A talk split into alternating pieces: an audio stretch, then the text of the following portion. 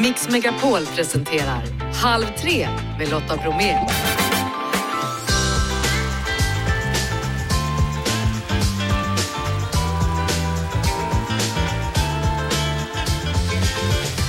Hallå där och varmt välkommen in i Halv tre-studion. I dagens torsdagsmix, hur vet man om ens partner varit otrogen? Datingexperten Angela har koll.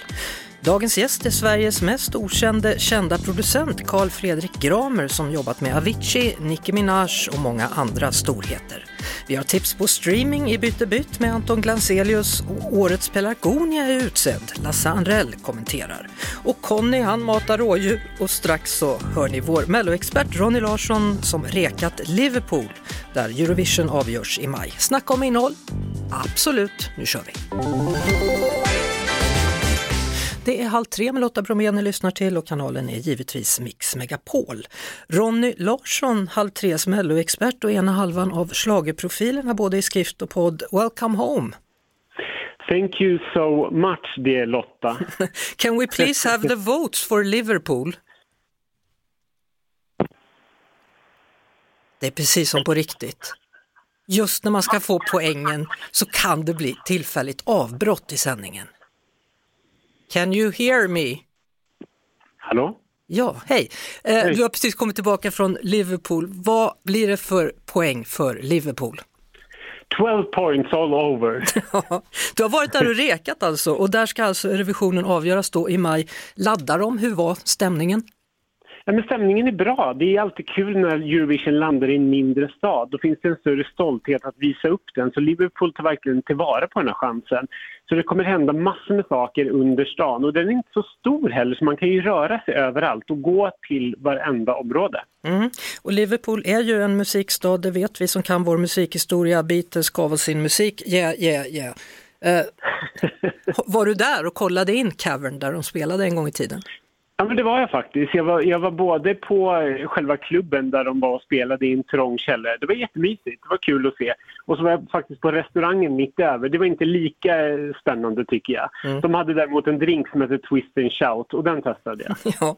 Eh, biljetterna lär vara slut i alla fall till den stora finalen då och Storbritannien har också köpt, staten har köpt 3000 biljetter som man ska ge till ukrainare då som är på flykt från sitt land så att de ska kunna delta. Och dessutom har BBC idag då meddelat att eh, själva Eurovisionfinalen kommer att sändas på 500 biografer runt om i Storbritannien. Eh, det ska också byggas upp då en Eurovillage och en Euroclub. Berätta. Ja, men precis. Eurovillage är det som är öppet för alla vanliga människor om man säger så. Det är öppet för allmänheten. Eh, det är ett stort område med massor med olika stånd och restaurangvagnar och en stor scen där Eurovision-artister kommer uppträda. Det är för att uppmärksamma liksom verkligen för stans befolkning att men nu är Eurovision i stan, en stor festplats helt enkelt. Och sen har vi Euroclub då och det är den, vad ska man säga, den allmänna, den stora klubben för alla som är akkrediterade för artister, journalister och alla bakom scenen-arbetare. Mm. Och såklart för fansen.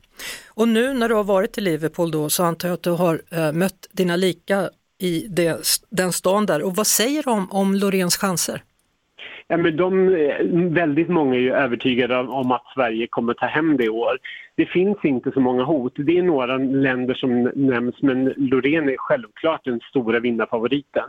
Och framförallt så återvänder ju hon som en tidigare Eurovision-vinnare. Hon är ju stjärnan i år som kommer för att liksom försvara sin titel. Vilket är jättehäftigt. Kommer hon kunna ha med sig sin 1,8 ton tunga platta ovanför? Ja, det, där, det där är ju inte riktigt hundraprocentigt bekräftat än men det, allting lutar åt det. Så att de har ett tak som håller när de hänger upp den? det tror jag absolut att de har. Och, och som jag sa, jag tror att BBC tar det här på största allvar. Loreen är stjärnan som alla kommer vilja se. Jag tror inte att de vill, att de vill göra om numret för mycket. Eh, Loreen tävlar alltså så småningom då i den första semifinalen. Ett land som redan är klart för finalen det är ju England då med May Müller. Den är bra den där låten, vad tycker du? Ja, men jag tycker också att den är jättebra. För en gångs skull så är, så är britterna på rätt spår. Det känns som att de har, har liksom fått en näsa för det här efter förra årets succé med Sunrider. Tack så mycket för nu då Ronny Larsson och så lyssnar vi på Englands bidrag detta år.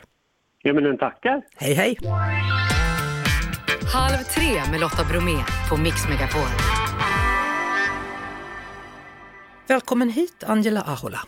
Tack så mycket. Det har vi sett i morgonsoffer och i olika tv-program pratandes dating. Du är doktor i psykologi och ska vi också säga att du är datingexpert. Är det okej? Okay? Det kan man få säga om man vill. Ja. När vi pratar dating så brukar det ofta handla om två singlar då som ska träffas. Något som är lite mer tabu är när en eller båda som ses faktiskt redan är i ett förhållande och vänstrar och det här är någonting som du nu har djupdykt i, otrohet. Ja, det stämmer. Varför? Ehm, det hela faktiskt startade med att jag själv blev eh, bedragen av min make. Och eh, då, jag fick liksom inga svar, jag blev lämnad för den andra kvinnan och jag, jag sökte desperat efter svar på liksom, vad är det som händer. Jag var ju förtvivlad där när jag inte fick ihop bilden och, och jag kände mig oälskbar, jag kände att det är något fel på mig och och, ja, så att det var massa, jag var ett enda stort frågetecken på den här tiden. Mm. Så där kom startskottet. Du har ju släppt en bok då på ämnet Den nakna sanningen och där djupintervjuar du då människor och man får följa två personliga berättelser, de är anonyma ska vi säga då.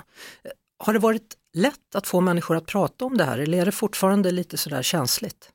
Det, på ett sätt är det lätt, eh, i alla fall på något sätt så när folk vet att jag skriver på en bok om otrohet, de vet att jag jobbar med psykologi så att det blir på något sätt en, att folk känner sig trygga i att kunna prata. Eh, och, men samtidigt att få de här två personerna som ska vara så oerhört öppna under en lång tid och berätta sådana detaljer, på detaljnivå berätta om sina, sin ångest, sina beslut, sina mess, liksom visa mm. allt för mig. Det var inte det lättaste, men när jag väl hittade de här två, Vera och Joar, så, bara, så var det total transparens. Mm. Vilka är de vanligaste drivkrafterna? Vad är det som driver människor till otrohet? Ja, det kan vara relationen. Det är en av de här orsaksfaktorerna. Att det finns saknas emotionell närhet, fysisk närhet, att man inte kan vara sårbar med varann, att man inte umgås tillräckligt. Men sen, och det här var ju det som jag inte, liksom, som jag förstod på vägens gång, att det kan vara personligheten hos den otrogna och det här är oerhört vanligt. Att det finns någonting i personen att vederbörande är otrygg undvikare, i anknyt till sin anknytningsmodell. Man är bekräftelsesökande, spänningssökande. Så att då spelar det ingen roll vem mm. jag och hurdan vår relation är, utan personen kommer vara otrogen oavsett. Du pratar då om de tre orsakerna till otrohet, relationen, personlighet och vad är och den tredje? situationen. Situationen. Ja. Att... Och det är mer som en trigger, liksom berusning, en firmafest, en kollega som börjar visa mer uppmärksamhet. Så att men är man tok icke benägen till otrohet, då, då, spelar det inte så stor roll vilken situation man befinner sig i. Men, men det kan vara en trigger för de som redan ligger lite sådär och skvalpar där mm. i gränszonen. Eh, vi pratade precis innan låten här då, så sa jag att du ska berätta lite om de elva olika typerna som är otrogna, i alla fall några av dem. Ja, för det finns ju en rad, men alla de här mynnar ju egentligen i det här med personlighet, relation och situation. Men en av de här elva som liksom slog mig, den, den kändes sådär nästan lite lite extra otäck och det är just det här med att en person kan vara lite så konfliktundvikande, man säger, man säger inte vad man behöver och vill, men så är man otrogen för att liksom återställa maktbalans. Hänger ni med? Man, man tar tillbaka makten fast bakom ryggen på ens partner, typ att här, jag tar plats, fast man uttrycker inte sina behov i ansiktet. Så det är en sorts så maktgrej kan det vara, men en annan otrohet, det är väldigt vanligt och det är, den har jag kallat för jämna ut vågskålarna. Aha. För att en av de tyngsta orsakerna till otrohet är om vi misstänker att vår partner är otrogen. Eller de facto är otrogen och då, då är vi otrogna också, bara vi börjar misstänka, så här, hmm, undrar om hon eller han faktiskt vänstrar eller inte. Det, och det är intressant för att jag har, har, funderat på det. Ibland är det ju de som pratar mest om otrohet och misstänker otrohet som är de som kanske har bedragit redan. Så det är en tredje variant då. Absolut ja. Och, ja. Det, där är, det, och det märker man ibland när det kommer till beteenden som inte är okej. Liksom så här, otrevliga beteenden, härskartekniker. Så folk som är sådär otroligt så här, moraliskt överlägsna enligt i sina egna ord är många gånger, kan vara de absolut värsta. Många gånger. Mm. Eh, den här boken då, eh, Nakna sanningen, det är ingen bok att läsa om man vill ha tips på hur man går vidare efter ett svek utan mer att få lära sig olika funktioner och hur det kan fungera. Men hur gjorde du för att gå vidare? Ja, när jag var där på havets botten så jag har gått och pratat med en, ett yrkesproffs, jag har försökt hitta saker som gör mig glad och jag var ju tvungen att liksom kravla mig upp från, från botten av sängen eller vad man nu säger. Jag hade ju barn jag var tvungen att mata varje dag så att eh, jag menar liksom vardagen, till slut är man där, till slut är man tillbaka, även om det är fruktansvärt tungt. Men att tillåta sig själv att känna känslorna och inte fly. Mm. Så du säger att i otroheten finns många av svaren på vad det är vi innerst inne söker. Är det att om man då är mer öppen mot sin partner så kanske man kan undvika otrohet? Ja, att vara sårbar och kunna uttrycka sig liksom utan massa filter och, och tänka sig nej men det här kanske är löjligt, det här borde jag inte säga eller nu ska jag bli arg istället. Bara säga du jag blev så ledsen när du sa det på det där viset. Eller, mm. eller att våga bara vara det här genuina, transparenta, äkta jaget. Det, då är mycket vunnet och även röra, fysisk närhet, att snudda vid varandra lite då och då. Avslutningsvis då, vad ska man hålla koll på om man misstänker eller vill försöka undvika otrohet? Ja, dels har vi de här klassiska, typ personer börjar duscha oftare, klä sig lite finare, använder någon parfym och så. Men sen finns det ju saker som är lite mer så här mellan raderna, typ subtila. Och en av dem är just att vår partner börjar vara gladare än vanligt. Och då tror vi att, nej men herregud, allt är skitbra mellan oss. Och då är det snarare så att personen är nykär i en annan. Personen kan vara mer kärleksfull gentemot oss. Då tänker vi också, nej men åh, det är superbra mellan oss, men det handlar om skuldkänslor. Mm. Och så tracking-appar som många har, familjer har för att hålla koll på barnen. Om person, det här är väldigt många som har blivit liksom busted denna väg. Och det, då stänger man av spårningen på appen. Mm. Läskiga saker. Ja. ja. Tack för att du kom hit och berättade Angela Hålla. Boken heter alltså Den nakna sanningen. Halv tre med Lotta Bromé på Mix Megapol. Karl eh, Falk Gramer har nu tagit plats framför mig. Välkommen! Tack snälla! Nu har du stigit in i Sveriges vardagsrum sedan förra fredagen. Hur känns det? Jo, men det känns jättebra. Lite nervöst såklart. Men eh, jag är så otroligt stolt över det här programmet så att det känns mm. bra. bra. Och programmet heter ju då Songland och går på SVT på fredagar. Precis. Och där sitter du som en av tre juryn. juryn. Det finns en huvudartist och sen så finns det fyra nya låtskrivare varje dag som ska skriva då till den här artisten och ni avgör vad som är bra och hur man kan jobba med det hela. Eh, vi ska lyssna på hur dina kollegor beskrev dig och vem du är. Okay. Falken, våran allas Karl Falk, som bara Hallå, det är Ariana Grande, jag vill ha en låt. Han bara, ah, okej. Okay. Han har jobbat med många av mina idoler som Madonna, One Direction, Nicki Minaj, Avicii. Mm, Avicii hörde vi senast, men det är du som spelar solot. Ja, precis. Hur många instrument kan du? Jag började med fiol, och sen blev det trummor, sen blev det gitarr, sen blev det piano och sen blev det bas. Men, men gick du i, i musikskolan då, ja. andra ord? Ja, precis. Jag gick, eh, jag gick på Södra Latin. Och det blev lite sådär just gymnasiet eh, där alla någonstans i, på Södra Latin i alla fall hade en, dröm om att, att, göra något. Ja, men det kunde vara musiken och så hade vi eh, själva skådespelarlinjen med ja, Joel Kinnaman och Gustav Skarsgård och Mattias mm. Varla och ett antal så här, som också hade en vision, en dröm om att göra någonting. Så att det blev väldigt häftiga fredagsuppträdanden där. Med, Men vilken med årgång ni måste ja, ha varit då? Ja, och jätte, det var otroligt många fler då. Andreas Klerup och Salman Fakir gick där samtidigt också. Till oj, exempel. Ja.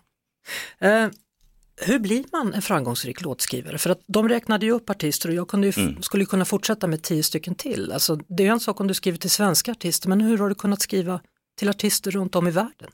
Ja, men det viktigaste för mig har varit att tidigt komma in i någon sorts sammanhang, tillhörighet och jobba med folk som, som redan har låtar ute som också behöver unga talanger. Och det har varit lite, det, var, det har varit min början på min resa att jag fick komma in på The Location som det hette, det hette Cheiron förut och fick chansen och ja, titta, titta hur de gjorde när Christian Lundin till exempel satt och spelade in Céline Dion, fick jag sitta med och titta på hur man gjorde. Mm. Och sen ledde det till att vi hade en låt som, som vi gav ut, eller som, som blev min första låt då med, med Westlife. Ja, precis. Hur kändes det då? Kommer du ihåg när du hörde den första gången på radio? Ja, det, framförallt så var det, jag kommer ihåg att jag hade suttit hela, hela natten för att få klart den här demon och klockan blev tio på morgonen och jag är helt slut. Och så satt jag då i ena studion och såg i studion bredvid hur, hur Westlife-killarna kom in och alla hälsade och så här. Och jag, kom, jag gick, in, gick in med min brända CD-skiva. Nu är jag liksom klar. Och satt och tittade sådär in i glasrutan och såg att fan de gillar det. Bara, yes, vad skönt. Ja. Och sen tog de den låten och, och det blev ja, första låten som, som kom ut då. Mm. En låt som heter Obvious med Westlife. Och sen har du jobbat väldigt mycket med Avicii då. Ja, Mm. Och vi bad dig välja lite musik till vår intervju då och du valde Broken Arrow som kanske inte är en av Aviciis mest kända låtar. Varför ville du att vi spelar just den? Nej, men jag tycker den, för, för, alltså så här, vissa låtar har mer betydelse än andra och vissa låtar har mer betydelse för att de funkade kommersiellt. Och sen har man de låtarna som ligger en, ja, som ligger en varmt om hjärtat på något sätt. Och det här var en sån låt där jag kände att det här blev något speciellt och med, med sångaren där också så blev det sån otrolig, ja men det, det blev en otroligt fin låt som jag är väldigt stolt över. Mm. Ska vi lyssna? Yes. Broken Arrow med Avicii och eh, på sång då Zac Brown. Hade du kunnat sjunga på den där låten Karl Falk Gramer? Nej, Varför? nej det är inte min grej. Nej, utan Tyvärr. du producerar musik. Ja, precis. Och det är klart att det, fun- det funkar att sjunga sina melodier i studio, men jag skulle nog aldrig så här sjunga en låt så. Jag tänkte att du, du kan säkert sjunga för du, visst har du varit röstcoach åt Russell Crowe, Ja, skådisen? precis. Och det var nog mer att bara hjälpa till och få honom att låta så bra som möjligt, mer än att verkligen coacha på det sättet. Eh, hur minns du Tim Avicii? Nej, men det, det är eh, på så många sätt och det känns som det var, det var så många olika faser också i vår, vår vänskap och vårt sätt att göra musik också. Men framför allt en otroligt eh, eh, intresserad, eh, nyfiken, men också väldigt sådär, han visste vad han gillade och inte gillade och var väldigt tydlig med det där. Så att det blev många, många sådana situationer där man kände att fine, du får din vilja igenom.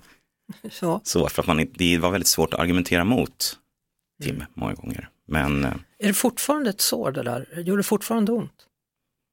ja, ja och nej. Det är klart att, det, att man, som med all, alla ja, människor man har som, som man, har, man har förlorat i, i livet så blir det en smärta som aldrig, aldrig försvinner. Men det som är fint med Tim är att det finns så mycket musik kvar och, och att folk verkligen är så genuint intresserade av hans musik fortfarande. Mm.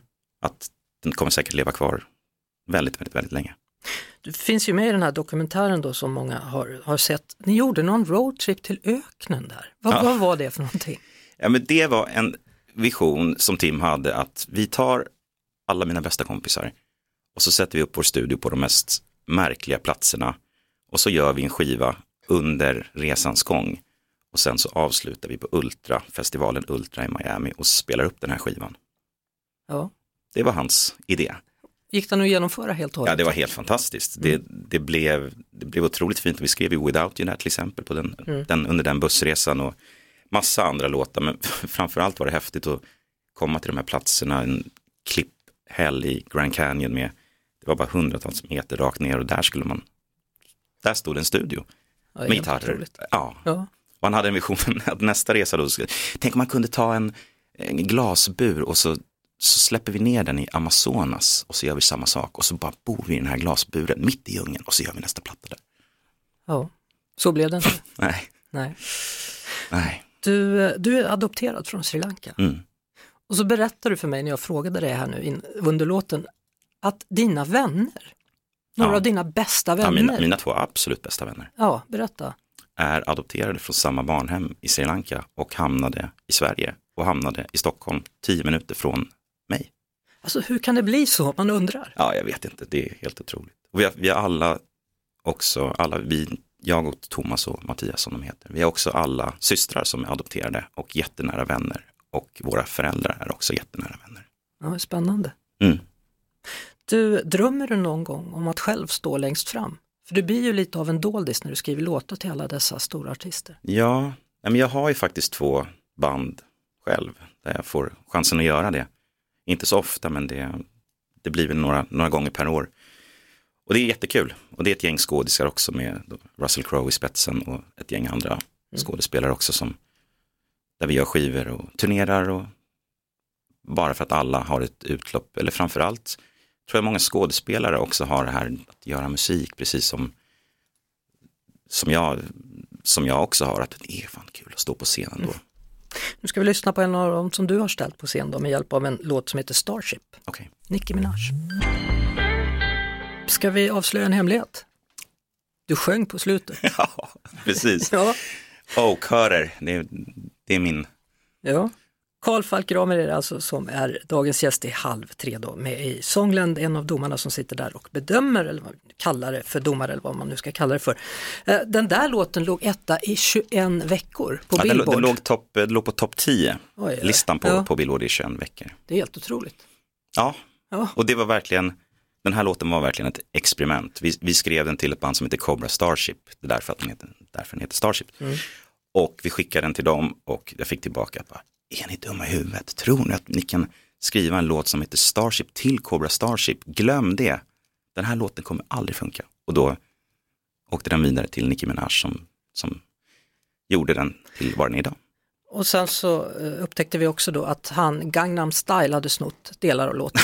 Ja, ja men det Eller? blev väl lite så en trend kanske då i, i, i, i att låten kommer fram till den här musikaliska, musikaliska delen. Och här, den här låten var ju egentligen min och Ramis, som jag jobbade med då, eh, lilla experiment och försöka jobb, göra en Swedish House Mafia-låt. Vi, vi jobbade mycket med Steve, Steve Angelo från Swedish House Mafia under den här tiden och han visade oss massa tips och tricks för att en, saker ska funka på ett dansgolv.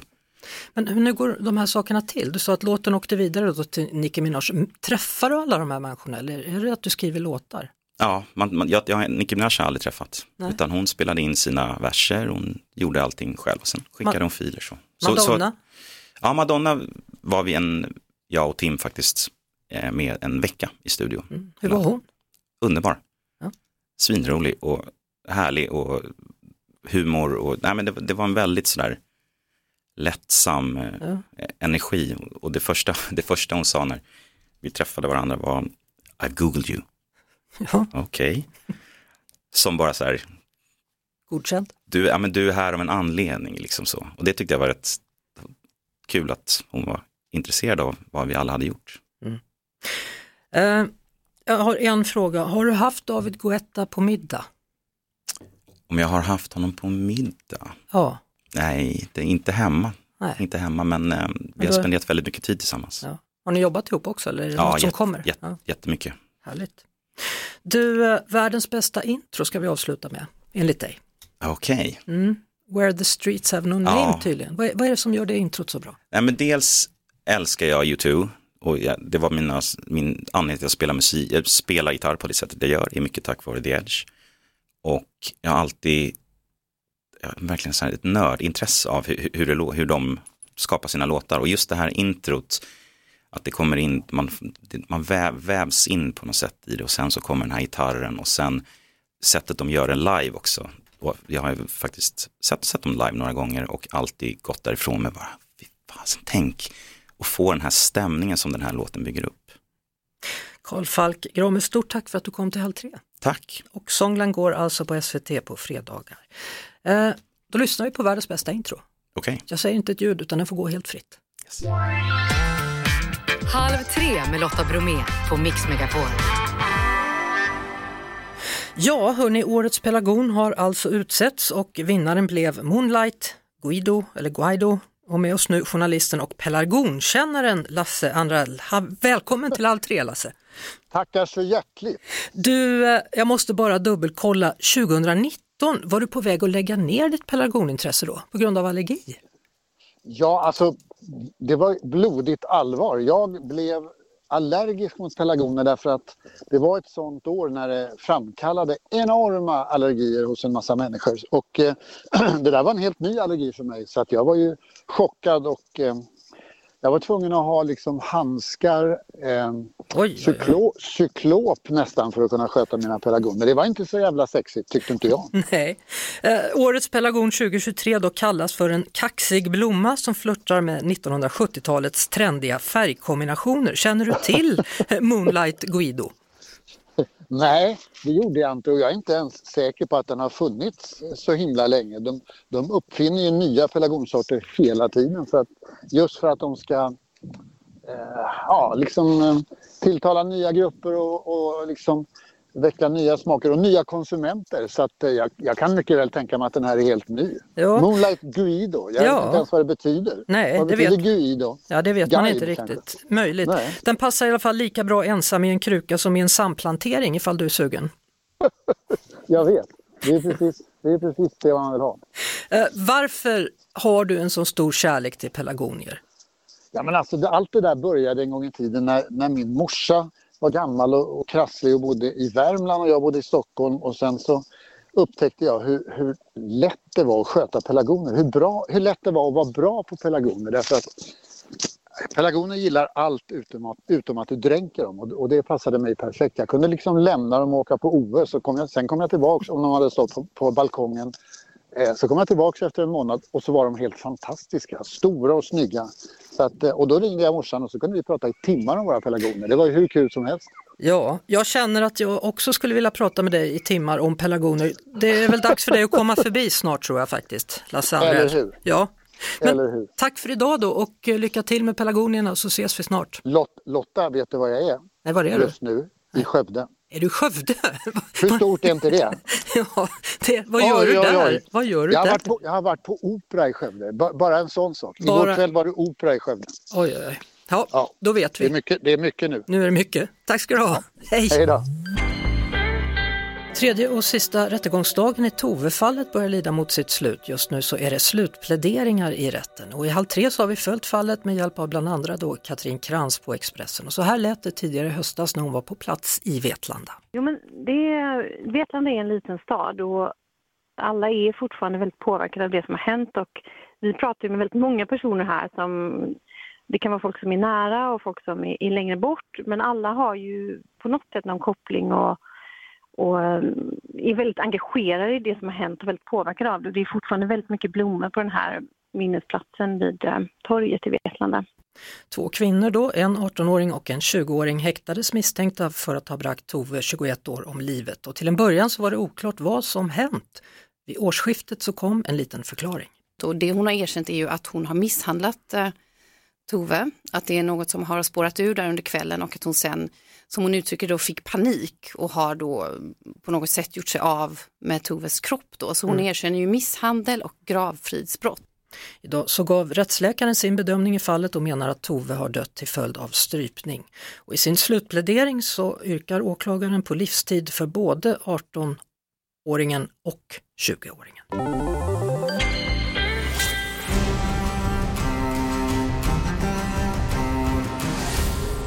Film och serier. Då är det dags för Bytte bytt igen då och Anton Glanselius, tv-chef vid SVT är det som finns med mig. Hur mycket tittar du på serier?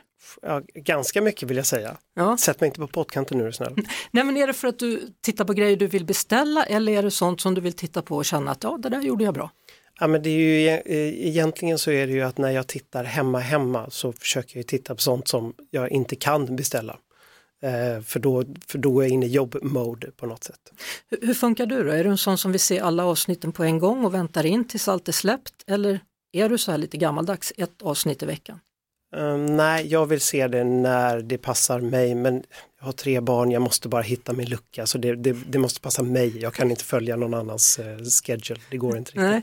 Jag är ju väldigt fast i, i såpaträsket Aha. och nu har ju Gift vid första ögonkastet kommit igång igen så jag lär ju vara limmad framför den serien. Du, jag kan utlova en bra säsong. Ja, Mm, vill Va- du veta hur det slutar? Ja, Nej, tyvärr.